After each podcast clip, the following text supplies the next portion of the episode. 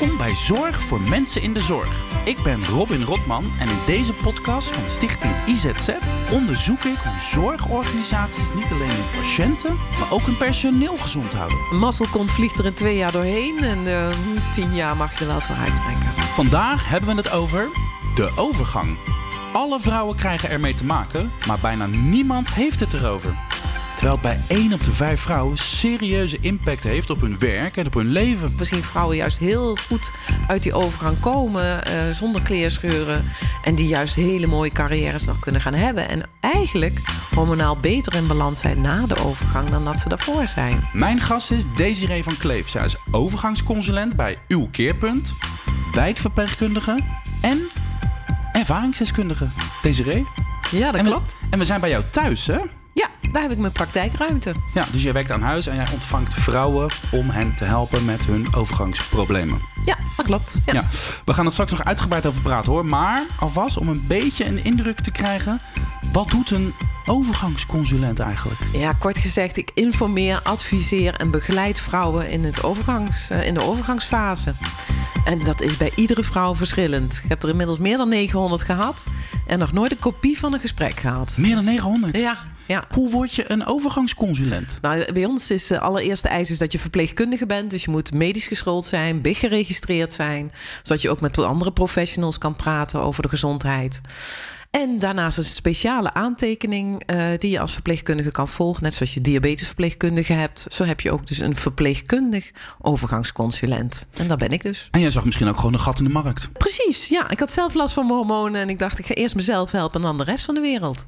Ja, dus, wat, uh, wat, hoe is het met jou? Met, jou? met jouw eigen overgang? Ik mag niet klagen, vind ik. Hè. Dan zie ik natuurlijk wel de vrouwen die het meeste last hebben. Mm -hmm. Maar ik heb nog nooit van mijn leven een opvlieger gehad. Uh, dus wat dat betreft, ik voel wel mijn gewrichten.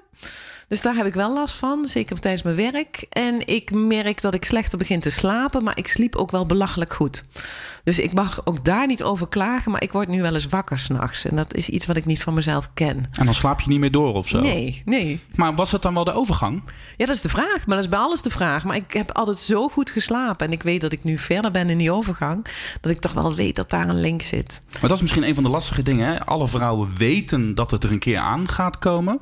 Maar de klachten die je erbij kan krijgen, die kunnen bij ook bij een heleboel andere dingen horen. Ja, Daarom praten we ook over typische overgangsklachten. Dat is wil zeggen opvliegers, uh, vaginale problemen, geen menstruaties. Dat noem je typische overgangsklachten. Die komen eigenlijk alleen maar bij de overgang voor. Ja, al kan een man ook opvliegers hebben, maar je mag ze toch wel typeren als overgangsklacht. Ja. En dan heb je atypische klachten. En dan is er altijd de vraag: waar komt het vandaan? Dan moet je ook altijd goed onderzoeken. Hartkloppingen zien we veel bij vrouwen in overgang.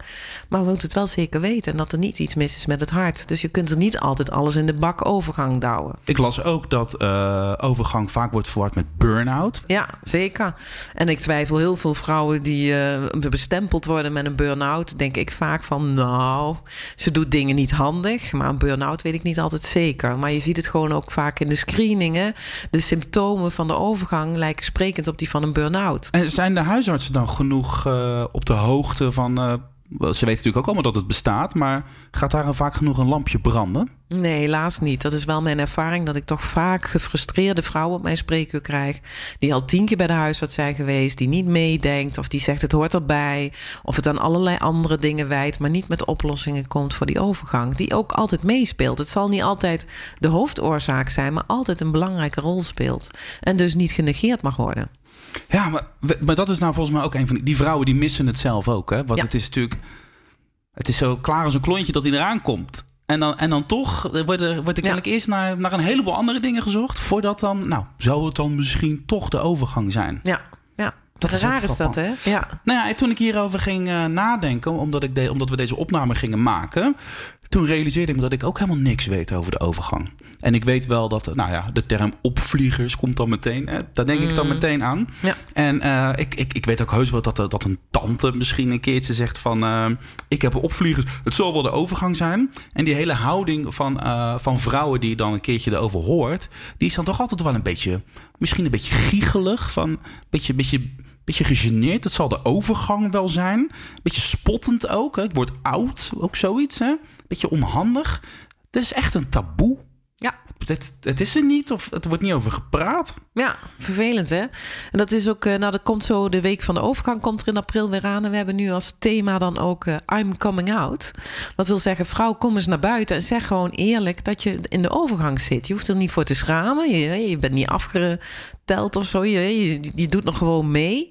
Maar kom er gewoon vooruit. Het is niet om je ervoor te schamen. Ja, het is misschien niet het meest sexy, maar we koppelen namelijk die overgang ook altijd aan uh, grote lichamelijke problemen. Geen zin in seks. Dat is ook al zoiets flauws wat er altijd bij Nou, gehaald het wordt. begin van het einde is... eh, Ja, nou, dat ongeveer. hè. Ja. Nou, terwijl ik dat niet zo voel en totaal niet ervaar. Dus, eh, dus zo hoeft het helemaal niet te zijn. Sterker nog, we zien vrouwen juist heel goed uit die overgang komen... eh, zonder kleerscheuren. En die juist hele mooie carrières nog kunnen gaan hebben. En eigenlijk hormonaal beter in balans zijn na de overgang... dan dat ze daarvoor zijn. dus je knapt er eigenlijk van op. Gros zeker. En die merken ook absoluut, er zitten heel veel voordelen aan die overgang. Alleen je moet hem niet negeren. Je moet wel je maatregelen nemen. Je kan niet doen alsof je 18 bent en gewoon door kan fietsen. Je zult wel moeten kijken, wat heeft mijn lijf nu nodig qua voeding, leefstijl. Dat soort zaken zul je wel je aanpassingen moeten doen. Misschien een beetje suffe vraag hoor. Maar wat, wat is nou eigenlijk de overgang? Wat gebeurt er dan eigenlijk? De overgang is eigenlijk de- benaming voor een periode in je leven. Een periode die iedere vrouw meemaakt, net zoals je ook een puberteit ook een periode is. En die periode wordt gekenmerkt aan het feit dat de hormonen niet meer in balans zijn. Dat die veranderen, de verhoudingen die je normaal in je lijf hebt, die veranderen nogal vrij plots. Kijk, je ziet bij mannen ook bepaalde daling van het testosteron, maar bij het grote gros gaat dat heel geleidelijk. De overgang is echt wel een periode waar echt vrij snelle dalingen komen, waardoor die balansen heel erg verstoord zijn. En de een heeft meer gevoelige receptoren, zoals we dat noemen, en heeft daardoor er meer last van dan de ander. Dus het is gewoon een verandering, een hormoonhussel. Jo, jo, maar er is een grote hormoonhussel. Ja. En, ehm, maar dan is het toch eigenlijk wel opmerkelijk dat, dat, eh, dat alle vrouwen daar op een andere manier mee te maken krijgen. Ja, maar zo reageren we op heel veel dingen anders. Waarom heeft de een migraine, waarom heeft de ander eh, een ingegroeide teennagel? Ja, verzin maar wat. Je ziet gewoon dat mensen gewoon verschillend reageren. Ja. En dat heeft ook met omstandigheden, heeft natuurlijk ook met leefstijl te maken. Maar ook gewoon domme pech dat jij meer reageert op hormoonveranderingen dan de ander. Wat is nou het verschil tussen de overgang en de menopauze? Ja, Die worden natuurlijk ook vaak door elkaar gebruikt, maar ja. dat, dat, dat is niet oké, geloof ik. Hè? Nee, nee, nou, de menopauze is eigenlijk maar één dag in je leven. Dat is de dag dat jij je laatste menstruatie hebt. Dus dat je de laatste keer op, ja, op natuurlijke manier als vrouw menstrueert. Nou. Ja, de pil is natuurlijk niet natuurlijk of een spiraaltje is niet natuurlijk. Maar je natuurlijke laatste bloeding. En die mag je pas constateren als je een jaar lang geen menstruatie hebt gehad. En dan pas mag je echt zeggen, toen was het mijn laatste. Dus die menopauze kan je pas achteraf vaststellen eigenlijk. Precies, ja. ja. En heel belangrijk, want vrouwen vinden het normaal om vaginaal bloed te verliezen. Maar als je dat een jaar niet meer gedaan hebt, is er niets normaals meer aan. Dan moet je het altijd laten controleren. Want het kan ook iets vervelends zijn dan. Maar dat lijkt me ook het, eh, het, het belangrijkste signaal voor de meeste vrouwen. hey, wat de menopauze is een onderdeel van de overgang. Ja. Ja. Want voor, daarvoor je die laatste bloeding hebt, eh, is er al een periode dat je hormonen al flink van slag zijn. Ja. En ook daarna zien we toch een periode dat vrouwen daar ook nog last van hebben. Maar ik, ik denk toch dat dit eh, het- in, in, in de meeste gevallen het eerste, of in ieder geval het signaal is dat de meeste vrouwen denken: hé, hey, de overgang. En dan gaan ze misschien terugdenken: oh, maar dat is, die, er zijn al wel meer symptomen geweest. Zeg, ik, zeg ik dat goed Zo zo? zie je het vaak wel. Hè? Als vrouwen onregelmatig ongesteld worden, dus dat er langere periodes tussen zitten, dan beginnen ze wakker te worden. Maar dan kan je al daarvoor al wel klachten hebben hoor. Ja. Ja. Hoe lang duurt dat zo gemiddeld? Nou, laten we zeggen, een mazzelkont vliegt er in twee jaar doorheen. En eh, tien jaar mag je er wel voor uittrekken. Twee tot tien jaar. Ja, daarom is het best wel een belangrijke fase. Toch? Het is niet even wachten tot het vanzelf overgaat. eh. en wat niet wil zeggen dat een vrouw dan tien jaar lang heftige klachten heeft. Maar wel dat de klachten elkaar afwisselen. En dat je in het begin weer heel andere symptomen ziet dan aan het einde bijvoorbeeld. Oh, dus dan denk je dat je er klaar mee bent en dan komen er weer, komt er weer een, een, een, nieuw symptoom of zo. Op zich wel. Als je heel erg negatief bekijkt, gaat het ook niet over. Hm. En blijft het een beetje. En eh, op, op welke leeftijd, ehm, ehm, wat, wat is een beetje de gemiddelde leeftijd dat vrouwen in de Nou, overgang komen? Als we de groepen indelen, is het tussen de 45 en 60. Tussen de 45 en 60. Ja. Ja. Dus op een 60ste is iedereen er wel een beetje doorheen geweest. Uh, en voor je 45ste hoef je nog geen zorgen tussen aanhalingstekens te maken. Ja, als je vrouwen zo makkelijk in hokjes kon douwen, zou je dat kunnen zeggen. Maar ik geef ze de kost die we op hun 40ste toch echt wel klachten hebben. Ah, en ja. helaas zijn er ook vrouwen die zelfs daarvoor al stoppen met menstrueren. Nou. En dan moet er ook veel meer gebeuren. Die groep moet veel meer in beeld komen. Die moet echt aan de bel gaan trekken. Nou. Voor een gezondheid ook. Ja. Ja, voor de gezondheid ook echt. Ja, ja. Want op zich het je wordt toch niet ziek? Nou, maar als je te vroeg stopt met menstrueren, moeten we wel altijd goed kijken of je ondersteuning nodig hebt voor je botten of je hart- en bloedvaten. Want die Ah. vrouwelijke hormonen hebben ook daar invloed op. Ah, dus dat moet wel goed in de gaten Ja, gehouden worden. ja. Kun je ook omschrijven wat er tussen de oren gebeurt op zo'n moment? Nou, er zijn een aantal dingen. Er zijn eh, vrouwen die dan opeens het moment zien van... oh, nu ben ik niet meer vruchtbaar... en sluiten daarmee een periode af. En voor sommige vrouwen ligt dat zwaar... omdat ze bijvoorbeeld een kinderwens hebben die niet vervuld is. Dus een groep vrouwen die moeite heeft met het ouder worden. En dit is wel een duidelijk signaal dat je dus ouder wordt. Maar dat zijn niet de grootste problemen. Het grootste probleem is dat door die daling van die vrouwelijke hormonen... er een groep vrouwen is die duidelijk onzekerder worden. Ja. Opeens niet meer durven auto te rijden. eh, op hun werk eh, steken laten vallen... waardoor ze onzeker worden. Terwijl dat helemaal niet terecht is. Als wordt En er komt zien- onzekerheid bij. Ja. Ja. en een groot probleem is de depressiviteit. Maar dan ook echt heel depressief tot het zorgelijke toe. En dat is een groep die weinig aandacht krijgt... en vaak ook meer alertheid moet komen... dat die hormoonhussel voor sommige vrouwen heel zorgelijk kan zijn. Depressieve klachten. Ja. En dan ehm, om, om nog even verder te gaan met de feiten en de cijfers en de statistieken. Om, om, om, het, om een beeld te schetsen waar we het nou eigenlijk over hebben. Hoeveel vrouwen hebben er nou zoveel last van dat ze eigenlijk echt wel hulp nodig hebben van iemand zoals jij misschien? Ja, één op de vijf. Eén op de vijf. Ja, zeker. Die moet in beeld en die moet hulp hebben.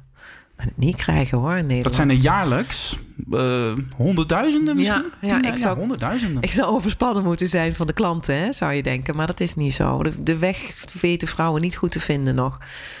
Helaas. Dus er Ja. zijn er een heleboel vrouwen die misschien eh, met burn-out klachten rondlopen of met depressieve klachten. Hoeven misschien niet eens depressief te zijn, maar in ieder geval depressieve klachten. Ja, Die, die, die hartstikke in de overgang zitten, die gewoon echt wel specifieke hulp no- nodig hebben. Ehm, en die die dus niet krijgen. ja. Ja, of niet zoeken. En dat vind ik wel heel jammer. Omdat het soms voor vrouwen... Ik wel vaker vrouwen krijg die al zeggen van... Nou, ik heb al drie jaar je visitekaartje. Mhm. Maar die komen ongeveer kruipend binnen. Dat ik denk van, was wat eerder gekomen. Ja. Het zit ook vaak echt wel in de vrouwen zelf... dat we de hulp niet zo gemakkelijk accepteren. Of denken, zo erg is het nog niet. Of het hoort erbij. En ik zal wel een aansteller zijn. En dat zijn eigenlijk de dingen die wel heel jammerlijk zijn. Oh ja, ik moet dit kunnen, dit, Ja. dit hoort erbij. Ik Ja, moet het dat- gewoon zelf doen. De natuur zijn werk laten doen. Oh, hè? Dat is ook zo'n populair iets. Maar daar kan ik me heel boos om maken. Ja.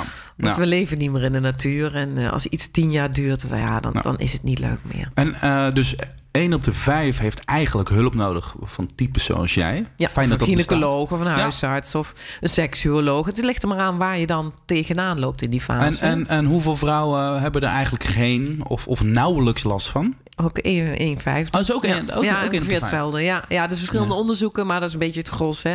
En dan heb je dus een groep tussen. En het is natuurlijk hoe typeer je iets. Hè? Want als je mensen vraagt, heb je er erg veel last van? Of ja, dat is toch nog wat van Het is ook natuurlijk heel persoonlijk. Sommige mensen Ja. hebben er meer last van dan anderen, maar die ervaren het niet zo. iets simpels als een opvlieger. Voor de ene is een opvlieger helemaal niet zo'n ramp. Die puft hem even weg en die lacht er een keer om en die is er klaar mee. Maar je hebt ook vrouwen die bijna flauw vallen van een opvlieger. Dus ja, En dus ongeveer de helft, of iets meer dan de helft. de- Dat cijfers, ja, het is natuurlijk lastig omdat. Dus de helft van de vrouwen heeft er wel last van. Eh, domineert niet heel het leven. Dus die kunnen hem ook niet helemaal weglachen. Die, die weten dat het bestaat. Dat zijn eigenlijk de meeste vrouwen. Hebben Ja. zij hulp nodig? Of, of, of kunnen zij, zouden zij dit in principe wel op eigen kracht moeten kunnen doorstaan? Nou, hulp kan denk ik geen kwaad, omdat je gewoon eigenlijk dit wel een, ja, een keerpunt in je leven is. Vandaar uw keerpunt. Ja. Dat vrouwen moeten gaan nadenken van... hé, hey, ik moet eens wat meer gaan doen. Want als die vrouwelijke hormonen zo goed voor mij gezorgd hebben... voor mijn cholesterol, mijn bloeddruk... Nou. laat ik dat dus vaker laten controleren. Laat ik eens kijken wat ik met mijn leefstijl kan doen... om gezond oud te worden. Ja. Dus op die zin heeft iedereen wel hulp. En we praten toch wel over 63% van de vrouwen die echt wel voelt dat er van alles verandert. Ja. En het gaat met golven. Dat is ook wel iets, hè, dat vrouwen ook. En dat maakt het lastig. Dat je soms denkt, oh, dan gaat het wel weer even. En dan een maand later, dan stranden ze weer. Dit heeft effect op ehm, werk, Absoluut. gezinsleven, Ja. Ja. je vriendschappen misschien, of de omgang met je kinderen ook. Je wordt gewoon een ander mens. Of, of nou, dat is wel, dan ga je wel heel ver. Nee, nee, nee. Nou, Ik word een leuker mens, dat sowieso. Maar eh, nee, nee, nee. We zien ook wel, de, hè, er zitten dus die positieve kanten. Is. Maar soms herkennen vrouwen zichzelf niet. Willen zo absoluut niet zijn. Dat is ook wel een uitspraak die ik zo hoor. Van, oh, dit, dit, wil- zo wil ik niet zijn. Ik wil mezelf weer terugvinden. Ik ben mezelf zo kwijt. Dat is echt wel iets wat vrouwen heel duidelijk hebben. Ja. En dat is natuurlijk heel zorgelijk. En, en ja, vind jezelf dan maar weer. Als je zo ja, jezelf ja, niet terug kan vinden... omdat je zoveel pijn of klachten hebt... of stemmingswisselingen. eh, ja. En nu zijn een heleboel van, van, van onze luisteraars die dit gesprek terugluisteren, die werken in de zorg. Eh, waarom is de overgang eh, juist voor in, in de zorg een probleem? Daar werken natuurlijk veel vrouwen. Is dat ook omdat, ja, die, die zijn ook misschien precies de doel, de leeftijdscategorie tussen de 40 en de 60? Nou ja, daar zitten er heel veel van. Eh, ik weet zo de cijfers even niet uit mijn hoofd. Maar het grootste gros bij, zit in die Ja. leeftijdscategorie en is vrouw. Dus als je als werkgever in de zorg, ja, is dit wel een aandachtspunt. Hè? Ja. En nu werk je zelf ook in de zorg. Je, Ja. je. Merk je ook dat daar vanuit de, de leidinggevende of vanuit de zorgorganisatie... dat er ook daadwerkelijk eh, aandacht voor is die misschien nodig is? Of begint dat te komen begint juist? te komen. Ja, we hebben wel zo'n programmaatje wat we kunnen volgen, eventueel. Dus dat, eh, dat je wel online wat tips krijgt in ieder geval. Maar qua werkaanpassing nog niet helemaal. Maar dan moet je zelf denk ik ook heel alert als vrouw op zijn. En als werkgever ervoor openstaan. Ja.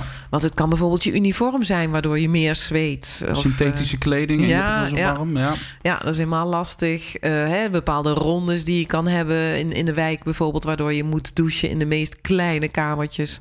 waar het zweet helemaal uitbreekt. En misschien met je collega iets kan ruilen... waardoor het wat makkelijker Of je gaat. draait onregelmatige diensten en je slaapt niet goed. Ja, dat was helemaal funest. Vooral laat, vroeg, vroeg, laat. Hè. Die afwisselingen die zijn soms nog lastiger. Ja. Hè, dus het is maar net waar jij tegenaan loopt. En dat is voor iedere vrouw anders. Maar dat maakt het wel lastiger. Maar dan moet je dus eigenlijk naar je baas stappen en zeggen Ja. van... joh, ik draai nu van die onregelmatige diensten... maar de komende tijd, Ja. twee jaar of tien jaar, geen idee... is dat niet zo handig voor mij, want ik slaap gewoon niet zo goed. Ja. Nou ja, je hoeft er nooit een periode aan te koppelen. want Nee, dus dat weet je van tevoren Het niet. gaat met golven, dus het is niet Ja. zo van hè, dat een werkgever denkt: oh mijn god, dan moet ik dit bij iedereen en voor zoveel jaar doen. Ja. Het wisselt per vrouw, het wisselt per periode, maar gewoon af en toe eh, wat meedenken en daardoor die vrouw gewoon aan het werk kunnen houden, scheelt natuurlijk Maar- wel. Zijn er ook vrouwen bij die gewoon niet meer kunnen werken? Ja, dus, eh, Die ja. gewoon helemaal af liggen? Nou ja, we kunnen, er zijn wel onderzoeken gedaan om het in verband te leggen, in ieder geval eh, met de inzetbaarheid van vrouwen. Hè. We kunnen niet het verzuimde direct aan koppelen, want de overgang is geen ziektebeeld. Nee. Dus we kunnen het nooit zo Het is turven. geen diagnose. Nee, zeker niet. Zou dat het wel moeten zijn eigenlijk? Nee, nee, nee. nee, oké, nee. oké. Nee, het is gewoon wel een fase. Maar, Maar goed, de kunnen... burn-out klachten die je erbij kan krijgen... die kunnen wel gediagnosticeerd worden. Ja, ja. Puberteit is natuurlijk ook geen diagnose. Nee, daarom. Dus het is een beetje lastig. Hè? Dat maakt het ook lastiger. Ja, Dus nee, dat niet. ja. Maar we zien wel dat er een link is dat vrouwen minder inzetbaar zijn. Hun, hè, hun workability, zoals we dat noemen, die wordt minder door die overgang. Dus ze doen langer over zaken, bijvoorbeeld op hun werk. Lopen meer achter de feiten aan waar ze last van hebben. Maar we zien natuurlijk ook heel veel gewrichtsklachten. Wat natuurlijk, hè, dan valt iemand uit met pijn aan zijn knieën. ja. Maar ja, heeft ze misschien wel meer gewrichtsklachten... omdat ze hormonaal ook helemaal uit balans is. Dat zou ook zomaar kunnen. Ja. En dat kunnen we natuurlijk nooit meer precies nagaan. Dus we weten gewoon, het feit is er. We kunnen hem niet negeren. En ik zeg altijd, volg twee sporen. Doe iets aan die knieën, maar doe ook iets aan die overgang. Ja, en als je nou echt zo iemand bent die echt in die groep zit die het zwaar mee heeft, als je de juiste hulp wel krijgt en wel misschien wekelijks met, met jou gaat praten of, of, of, of, of met een huisarts, kan je dan dusdanige maatregelen nemen dat je weer wel aan het werk kan, dat je echt net aan de andere kant van de medaille gaat zitten, of dat het Ja, kwartje de goede kant Ja, ja, ja, we zien echt wel goede resultaten. Dat Oh, we veel kunnen bereiken. En dat is bij iedere vrouw af, eh, ja, afhankelijk van wat de klacht is natuurlijk ook. Mhm. Maar er zijn wel allerlei dingen die je kan doen. Maar ik merk gewoon al het meeste succes af en toe... is gewoon dat die vrouw zich erkend voelt...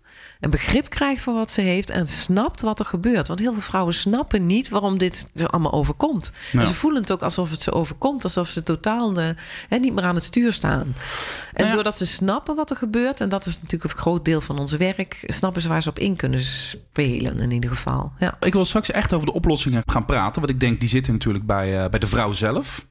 Kom uit de kast en Ja. zoek die hulp. Eh, die hulp die komt natuurlijk van professionals zoals jij. Die hulp die kan natuurlijk ook komen van een partner. Of van de baas. Iedereen kan zijn steentje bijdragen. Er moet, gewoon, er moet een gesprek op gang komen. Maar um, wat ik toch wel even interessant vind... een heleboel uh, vrouwen zitten met een burn-out thuis... zoals eigenlijk in de overgang zitten. Wie zou dat dan kunnen signaleren? Is dat de bedrijfsarts? Zitten zij er genoeg bovenop? Of? Ja, ja, bij de bedrijfsarts is natuurlijk ook nog genoeg te halen. Bij de huisartsen, maar ook bij de bedrijfsartsen. Ook daar is niet bij iedereen de kennis even groot. Al merken we dat er meer een... Ja, er komt meer ruimte voor. Ze hebben er steeds meer begrip voor. Er komt meer aandacht voor. We trainen... ik geef ook training aan bedrijfsartsen. Dus we zien dat... Jij, jij traint de bedrijfsarts? Ja, leuk ah, hè? Ja, ja heel goed. Ja, ja. maar ze vinden dat ook wel nodig. Want soms is er gewoon niet genoeg bekend. Dat ze het gewoon eens wat breder bekijken af en toe. En zeker in instellingen waar uh, veel mensen in de zorg uh, bijvoorbeeld. Ja. Moet er meer aandacht voor komen. We noemen dat eigenlijk een overgangsproef maken. De bedrijfsarts, de werkgevers, dat ze een beetje om kunnen gaan. Hè? We hebben zwangerschapsverlof. En we willen ook dat we iets doen voor die vrouwen in de overgang. Nou, oké. Okay, niet afschrijven, zeker dat niet. Maar wel aandacht. Laten we dan naar de oplossingen gaan. Uh, en dan, ga, dan wil ik straks precies weten hoe zo'n traject er bij jou uitziet. Maar je hebt nu hetzelfde term uh, overgangsproef laten vallen. Hè? Dus dat zit een beetje aan de kant van de werkgever. Hoe kan een Mhm. werkgever of een zorgorganisatie zichzelf nou overgangsproef maken? Ja. Nou, vertel. Ja, nou, makkelijker gezegd dan gedaan. Maar we hebben daar op zich werk ik met collega's samen dat wij organisaties er in ieder geval bewust van worden. Dat we gewoon onderzoek doen binnen het bedrijf van hoe groot is jouw probleem? Want met onderzoek krijgen we de vrouw al wakker. Je kunt denken aan. Uh, maar hoe groot is jouw probleem? Dat is toch gewoon een kwestie van. Uh, de demografische opbouw van je ja, werknemers nou ja. in kaart. Maar daar hebben ze nog nooit over nagedacht. Dat is vaak al een eye-opener dat ze zeggen... oh, hebben wij 2000 vrouwen in de overgang in dienst? Ja. En als je dan bedenkt dat een vijfde daar klachten van heeft... oh, daar hebben ze soms al niet eens bij stilgestaan. En wat is dan overgangs... Ja. Wat, wat, wat maakt een organisatie... Nou, overgangsproef. Nou, dat in ieder geval de leidinggevenden weten dat ze medewerkers kunnen hebben die daar last van kunnen hebben. Dat het een cultuur ontstaat waar je erover durft te praten, maar mag praten. En dat je niet weggeduwd wordt in hokjes. Dus dat er niet dat er gewoon over gesproken mag worden. Niet dat het weggelachen wordt, maar dat het gewoon een gesprek mag zijn. En dat doen we vaak door voorlichtingssessies. Dus ook voor mannen eventueel, maar in ieder geval voor leidinggevenden, maar ook voor de vrouwen zelf. Posters ophangen soms, dat de week, de week van de overgang gewoon een onderwerp van gesprek mag zijn. Bij de Op tafel. Ja. Uh, en ook dat vrouwen daar uh, desnoods... Uh, dat, dat ze er onderling over gaan praten. Met spreekkaarten zijn er bijvoorbeeld voor. Maar dat je het er eens over hebt, dat is al vaak de helft van het succes. En dat mensen dan ook met je mee gaan denken. Nu, nu misschien een beetje een vraag van een hele naïeve man. Vergeef me als ik mis zit. Maar als ik leidinggevende ben, hè, ja. ik denk dat ik het lastig zou vinden om aan een vrouw te vragen die met klachten komt, die misschien ziek is, of om te zeggen van, zit jij niet misschien in de overgang? Ik denk dat ik dat een lastige vraag zou vinden, en omdat ik het idee heb dat, uh, dat vrouwen dat niet tof vinden. Nee, dat kan. Dus dan hoef je dat ook niet te doen. Als je voelt. Terwijl dat ik eigenlijk het gevoel ja. heb, ik wil het wel balletje wel opgooien. Ja. Kom, bring it on. Nou, dat kan ook als je dat gevoel hebt. En je kan hem luchtig brengen. En dan in het respect houdt dat zij het antwoord mag geven waar zij zich goed bij voelt. Nou. Maar dat je ook kan zeggen van joh, ik heb al eens gehoord dat de overgang ook zo'n impact kan hebben. Kan dat bij jou ook het geval zijn? Nou. En als dat zo is, kan ik je ergens bij helpen? Zijn er nu dingen in jouw werk waar ik misschien mijn invloed op kan hebben? Qua uh, ruimte waarin je werkt. Hè? Als je niet goed tegen prikkels kan, dat je wat vaker alleen op een kantoor zit. Ja. Of eens een keer wat thuiswerk als dat scheelt. Uh, wat later beginnen, een uur, als dat mogelijk is natuurlijk. Mm -hmm. Eens een keer niet laat vroeg, maar wel la, uh, vroeg laat. Soms zijn er hele kleine kneepjes, tijdelijk, die echt wonderen doen. En het er alleen maar al over hebben. En erkenning van, joh, ik schrijf je niet af, maar ik wil met je meedenken. Ja. En als je dat zo geeft als leidinggever, dan is het geen probleem. Maar je hoeft niet de details te bespreken. Of, uh, dat, nee, maar je moet het wel bespreekbaar maken. Is er misschien nog een verschil tussen mannelijke en vrouwelijke leidinggevenden? Ja, dat denkt iedereen. En dan zeg maar ik, ik heb soms... geen idee. Ja, oké. Okay, nou, ik, ik, hoor, ik zeg altijd van, nou, je kan beter een mannelijke leidinggever hebben. Meen je dat nou? Ja, ja. Want mijn gut feeling zou zeggen dat vrouwen dat natuurlijk veel beter begrijpen Ja, allemaal. en ja, die kunnen elkaar ja. in de ogen aankijken. En die kunnen elkaar misschien een beetje, een beetje aanstoten van, nou, nou, ik snap het wel hoor. Ja, ja dat Maar zou nee? je hopen. Ik zeg altijd niet zo erg als een Wat, wat maakt die mannen dan handiger of Ja, begripvoller zo? mannen die weten er zelf, eh, die hebben zoiets van, ja, ik weet het niet, ik heb het zelf niet, ik kan het zelf nooit hebben. Dus laat ik er maar rekening mee houden dat het zo is. Die gaan dan meer uit van, nou dan ga ik maar een oplossing zoeken. Terwijl er vrouwen zijn die er gewoon doorheen gefietst zijn. En het dan nog wel eens als gezeur kunnen bestempelen dat iemand er wel last van heeft. Dat Wij vrouwen zijn niet zo netjes rondom de overgang. Oh, dus Ik mannen die gaan wat meer in de praktische modus. Van nou, het zal allemaal wel. Ik Ja. begrijp, die begrijpen er eigenlijk zo weinig van. Dat Ja. ze denken, nou, ik ga er niet eens over beginnen om het te snappen. Ik ga het gewoon praktische oplossingen bedenken. Ja, Kan dat terwijl zo? vrouwen het eerder dan in de vergelijking zoeken van... joh, wat doe je moeilijk? Ik heb ook wel eens een opvlieger, maar eh, hè, zo erg is dat toch niet? Dus die eerder dan... Ja, die sisterhood is er bij ons vrouwen niet zo, hè? Ja, zeg. Ja. Oké, oké. dus op, op het werk posters ophangen, die, die speciale de week van de overgang ja. onder de aandacht brengen, foldertjes. eh, de, de, de, de manager of de leidinggevende moet dit in hun, op hun radar hebben. Die moeten, eh, oké. De- Er is genoeg te doen om een organisatie overgangsproof te maken. Ja. Oké. Wat gebeurt er als ik bij jou terechtkom? Ik, ik werk ergens, ik ben een vrouw van eh, 48 en ik merk van jeetje, ik, eh, ik, eh, het gaat helemaal niet lekker. Ik, eh, ik heb veel klachten de laatste tijd en ik zit volgens mij gewoon hartstikke in de overgang. En ik ga een beetje googlen en ik kom bij uw keerpunt in Arnhem terecht. En ik ontmoet jou en ik kom in deze ruimte waar wij nu dit gesprek zitten op te nemen. En ik zit tegenover je, zoals Ja. ik nu tegenover je zit. Kun je een beetje het traject beschrijven waar we dan ingaan? Of waar ik met jou inga? Eh, ik begin altijd met een, noemen we dan de intake, maar dat is voor mij ook gelijk de behandeling hoor. Eh, dit is anderhalf uur, een intakegesprek. En dan gaan we gewoon eens kijken eh, waar die vrouw last van heeft. En dan hebben we speciale vragenlijsten voor. Die gebruiken de gynaecoloog ook. Is een wetenschappelijke lijst. Daarmee kunnen we screenen. We kijken bijvoorbeeld ook naar de bloeddruk. Eh, gewicht, daar kijken we ook naar. maar ook de leefomstandigheden. Medische zaken die ermee spelen. Bijvoorbeeld de schildklier is nogal eens een... hè, dat gebeurt nogal eens dat dat een probleem is. Of dat iemand een hoge bloeddruk heeft al jaren. Of de zwangerschap. Hoe is die geweest? Dus vaak ook een voorspellen hoe men de overgang doorkomt. Oh ja Eh, joh? st- Ja, nou ja, oh ja, dat is wel eh, zorgelijk. Maar sowieso is je zwangerschap voor de rest van je leven natuurlijk een voorspeller. Mhm. Zwangerschapsvergiftiging, hoge Oh, zo. bloeddruk Ja. in de zwangerschap. Ja. Dat zijn toch wel dingen dat je beter op je hart- en bloedvaten moet letten. Ah. Ja. Eh, psychische klachten in de zwangerschap is ook grote kans dat je dat meer in de overgang krijgt. Dus dan zijn wij al ah, letter.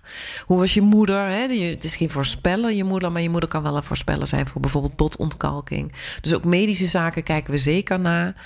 Eh, en dan ga ik eens goed uitleggen wat nou die overgang inhoudt, waarom je dit nou krijgt. En wat zijn dus dingen die je kan voelen en die je dus kan verklaren voor jezelf. Hè, dus door te verklaren hoe een opvlieger werkt, dat vrouwen ook beter snappen van, oh, maar als ik dit doe of als ik dat laat, waarom zou het dan wel of niet werken? En dat is voor iedere vrouw anders, want iedere vrouw heeft, ik ga dan in op de klachten die zij heeft. En dan komt er natuurlijk ook een punt, sorry dat je even onderbreek, dat je dus gaat zeggen, volgens mij zit jij dus in de overgang. Ja, ja, dat willen ze allemaal weten. Ja. Ja. Ja. maar dat zie ik al bij de kassa hoor, inmiddels. eh, dus Oh, is dat zo? Ja, echt wel. zo ja, uit? Ja, ja. Ik krijg af de neiging om visitekaartjes uit te delen, maar... Oh, ja, dat- ja, moet je niet altijd doen hoor. Ja, dat lijkt me ook. Nou, volgens mij moet je maar even bellen. Oh, Ja. ja. hoe, hoe, hoe doe je dat? Heb je daar een soort radar Ik voor? heb er inmiddels van, ah nee joh. Vrouw, als je 45 bent en je hebt klachten, sorry madame, maar je zit in de overgang. Hè, dat is gewoon zo. Dus, maar ik heb ook wel eens dat ik vrouwen dus wel spreek omdat ik ergens sta eh, om reclame te maken. En dat, ik, Ja. eh, dat ze dan zeggen, oh dat doe ik niet aan.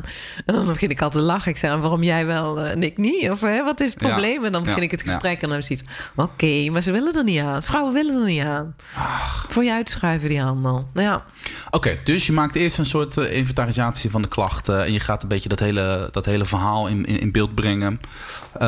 Dan komt er dus een- een verhaal uit. Dan, denk, Ja. dan, dan komen die samen tot de conclusie: oké, overgang. En dan kun jij een beetje inschatten samen met die, met die dame in kwestie eh, hoe heftig het is. En dan komt er dus een. Dan, Een behandelplan gaan we dan opstellen. Ja, ja En- er zijn hoe- verschillende stappen die we erin zetten. En afhankelijk van wat de vrouw wil, medische voorgeschiedenis. En wat er nodig is. Hè. En dan kom je dus ook vaak bijvoorbeeld op hormoontherapie uit. Hè. Dat is vaak een onderwerp van gesprek. Wat is dat? Hormoontherapie? Hormoontherapie, dat wil zeggen dus dat je via de, de dokter, we maar zeggen, hè, via medicatie hormonen toedient. Mhm. Is dat een dagelijkse shot of een wekelijkse shot? Ik heb er geen idee. Je kan het op verschillende manieren doen. Wij zijn de grootste voorstander van een pleister, een hormoonpleister. En die verwissel je één keer per week. Die Ah. plak je ergens op je lichaam. En daarnaast gebruik je of een spiraaltje of een tabletje. Het heeft altijd twee eh, componenten hormoontherapie. Tenzij je geen baarmoeder hebt. En dan, en, dan ben je er vanaf of haalt het de scherpe randjes er vanaf? Wat gebeurt Het er dan? haalt zeker de scherpe randjes er vanaf. En heel soms wel bijna er zo goed als af. Waarvan ik niet zeg dat iedereen aan de hormonen gaat, moet of wil. Eh Oké. 4% van de vrouwen in Nederland gebruikt hormoontherapie. Die in de overgang zitten. Tegenover 40% in Duitsland. Hè? Dus eh, om een verschil aan te geven, in Nederland zijn we anti-hormonen. En dat komt vaak door fabels die er zijn. En dat is wel heel erg jammer. Voor mij hoeft niet iedereen naar hormonen. Want vrouwen komen al binnen en ik wil geen hormonen. En zeg van, voor mij hoef je ook niks. Maar ik wil wel dat je keuzes maakt op kennis. Hormoontherapie hebben Ja. we. We hebben eh consulten met jou, Ja. waardoor jij inzicht geeft. Ja, en, precies. en- al heel vaak al genoeg. Ja. Dat neemt een heleboel onzekerheid, denk ik, weg. En eh, dat helpt bij begrip eh, voor jezelf, denk ik. Hè? Ik denk andere handvatten. Je zou misschien een vrouw aanbevelen om te praten.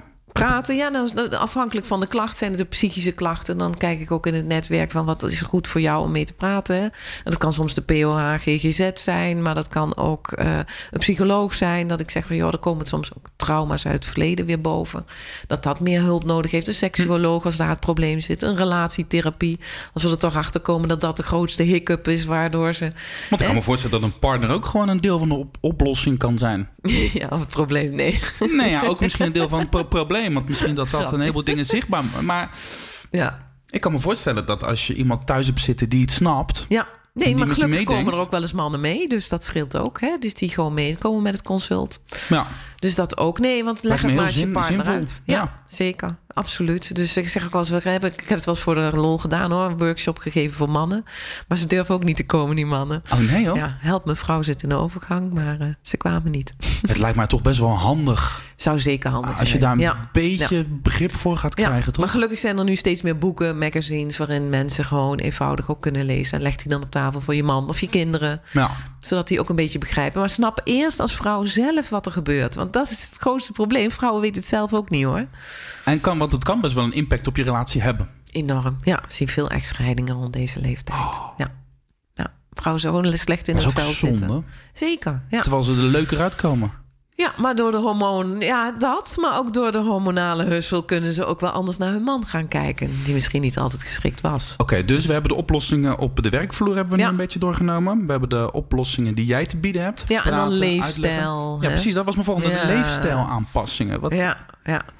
Ja, daar zitten heel veel verhalen. Nou ja, kijk, we weten gewoon dat bijvoorbeeld vet voor vrouwen belangrijk is. Niet te veel en niet te weinig. Dus Ja. daar is veel aan te sturen. en je lichaam gaat dus juist als vrouw, bij vrouwen vaak in de bewaarstand. Eh, vrouwen komen erg aan in de overgang. Wat helemaal niet hoeft. Hè. Dat je wat aankomt is vaak fijn en prima. Mhm. Maar niet te veel. En dat betekent dat je eigenlijk een andere eetstijl moet aanpassen. Niet gaan diëten, hè. Dus, dat doen we niet meer. En ook zeker niet lijden. Maar je moet wel kijken van, ja, wat ik nu eet, ga ik dat wel verbranden? Want die verbranding vertraagt bij vrouwen. Maar wat, wat voor eh, maaltijden moet ik aan denken dan? Ik ben zelf geen eh, chef. Nee, maar dat dingen waar je lichaam op zit te wachten. Hè. Je lichaam heeft vitamine nodig, heeft gezonde vetten nodig, die heeft eiwitten nodig. Niet te veel koolhydraten is funest bij vrouwen in overgang. We zien meer suikerziekte bij vrouwen in overgang en daarna. Dus vrouwen moeten gewoon wel kijken wat past deze voedingsstijl wel bij gezond ouder worden. Denk aan je eten, leefstijl aanpassen. Sporten misschien? Absoluut. Onze banden en gewrichten eh, worden negatief beïnvloed door de overgang. Dus we zien meer blessures bij vrouwen. En zeker als je in de zorg werkt, is het heel belangrijk dat je patiënten moet kunnen tillen en moet kunnen bukken en hè, handeling moet kunnen doen. Dus je spiercorset wordt veel belangrijker. Dus je moet meer bewegen en meer krachttraining vooral doen. Om te zorgen dat je zo klachten mogelijk, eh, klachtenvrij wordt. Maar ook dat je gezond oud wordt. Voor je hart- en bloedvaten, je botten. Maar er zijn dus een heleboel mogelijkheden als ik je zo hoor. Absoluut, ja. je Nee, kan maar van alles is- doen. Ja, daarom. Maar alleen je moet wel even aan. Je moet wel, dus je kunt wel blijven negeren van, ah, die overgang slaat mij wel over. Maar ook al heb je geen klachten, je zult moeten kijken, wat kan ik doen om gezond oud te worden, en leuk oud te worden. En dat kan allemaal. Alleen bij sommige vrouwen moeten heel veel doen. En sommige leven zo roomser dan de pauze en hebben toch heel veel klachten, wat heel erg zuur is. Ja. En dan is er soms echt meer nodig. En dan vind ik hormoontherapie eigenlijk wel eens noodzakelijk. Oké, dus je hebben we de partner, Ja. de baas, de vrouw zelf, leefstijl aanpassen. Je kan een heleboel doen. Ja. De overheid moet ieder geval gewoon, gewoon een keer een goede, stevige sierencampagne tegenaan. Ja, ja. Ik weet niet wat de we ook- overheid, dat is natuurlijk een aparte stichting, maar Nou er ja, van, we, van hebben, bovenaf eh, niet we iets? hebben al wel brieven gestuurd naar het ministerie om te zeggen van... Joh, zou je niet iedere vrouw op de 45ste een, ma- een, eh, een brief op de mat moeten doen van... hé, hey, gefeliciteerd, u zit in de overgangsleeftijd. Denk erover na. Dus, Ah. eh, nou ja, wakker schudden. Nee, heel veel vrouwen worden pas wakker eigenlijk pas vrij laat, moet ik zeggen. Dus eh, wat Maar, maar je kan schudden. preventief natuurlijk niet zo heel veel doen. Dus wat kun je dan daarmee? Is het gewoon meer wakker maken zo Nou, van je kan op? preventief wel heel veel doen, omdat heel veel vrouwen al een tijdje in de overgang zitten en het nog niet bestempeld hebben als overgang. Ah, oké. Dus En dus dan al veel worden. eerder kunnen reageren. Er zijn natuurlijk vrouwen die echt soms al wel heel veel aan de antidepressiva worden gezet. Terwijl ik denk van, nou, volgens mij hebben we hier een hormoonprobleem. Ja. Pas het goede medicijn toe. Ja, ja, Ja. ja. Ja, je zei het aan het begin al, hè? mannen hebben hier geen last van, hè? Nee, niet van deze overgang, nee. Ja, van de vrouw met de overgang soms. Maar wij mannen hebben toch ook een hormonale verandering? We hebben toch... Ja, nee, dat klopt. Mannen dalen, eh, de testosteron daalt ook bij mannen. Dat zien we ook wel. Maar dat, gaat, dat duurt gewoon... Ja, veel geleidelijker. Ja. En de effecten op hun gezondheid is veel minder. Je ziet niet dat een man door de daling slechter gaat slapen. We zien wel iets invloed op de botten, maar niet zoals bij onze botten worden heel broos. hè. Je ziet veel meer botbreuken bij vrouwen en dat komt daardoor. Hm. Je ziet meer hart- en bloedvaatproblemen door de daling van oestrogenen, wat we niet zien bij mannen.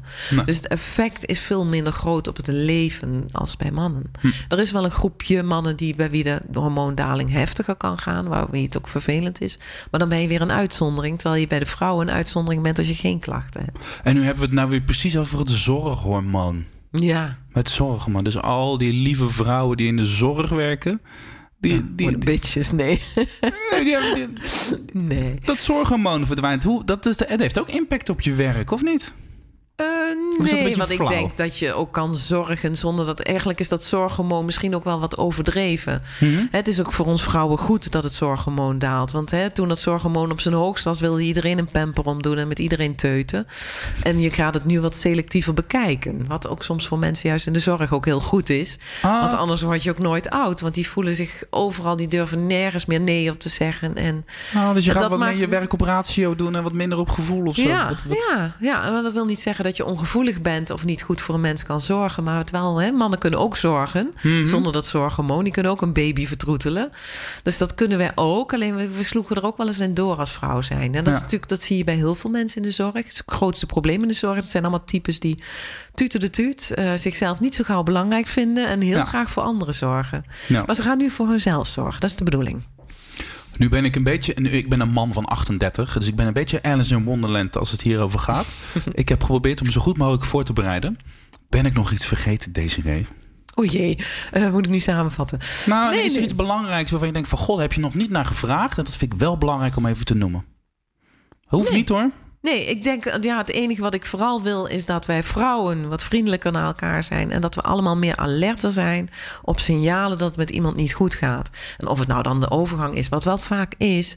Maar dat we daar wel alerter met z'n allen op zijn. Want geloof me, voor sommigen is het echt heel erg. En dat vind ik wel heel kwalijk dat we ja, soms vrouwen zien die zo gestrand zijn. En niemand die die schouder aanbood van... Ja. ach ja, het zijn maar hormoonproblemen. Nee, het zijn verdorie hormoonproblemen. En de Ja. impact is groot. En dat gesprek moet je kunnen starten. Dat moet de baas kunnen starten. Moet de mannen kunnen starten. Moet de partner kunnen starten. Ja. Want er is namelijk echt wel een hele grote waaier aan potentiële oplossingen. Of Ja. om je te helpen om er doorheen te komen. Ja. Oké, nou ja, als er ook ooit eens een keer een, eh, een, eh, een campagne komt, dan eh, ga ik jou voordragen als, om, om, om, om, om dat boeltje een beetje goed op te peppen. Want volgens mij zou je dat heel goed kunnen. Ik ga op de barricade voor de vrouwen. Ja, graag. Dankjewel. Desiree van Kleef, overgangsconsulent bij uw keerpunt. Dat is jouw eigen, je eigen Ja. overgangswinkeltje. Ja, ja, ja, maar ik ben een verpleegkundige overgangsconsulent. Dus ik ben een, zit bij een beroepsvereniging. Net zoals er een heleboel zitten in het land. Hè. Dus ik kan in het hele land terecht voor eh, hulp. Dankjewel voor je tijd. Ja, graag gedaan. En als je nou ehm, meer wil weten hierover, kijk dan op www.izz.nl slash overgang. Want daar vind je veel meer informatie over de overgang. Eh, Stichting IZZ werkt namelijk dagelijks aan gezonde zorgmedewerkers en gezonde zorgorganisaties. Dus luister ook de andere podcast terug over eh, de spoedeisende hulp. Dus misschien vind je misschien ook wel interessant. Ja, die ga ik ook eens luisteren. Ja, Ja, of over eh, jongeren en burn-out klachten. ook een probleem. Ja, ja. Dank, dankjewel nogmaals. graag gedaan.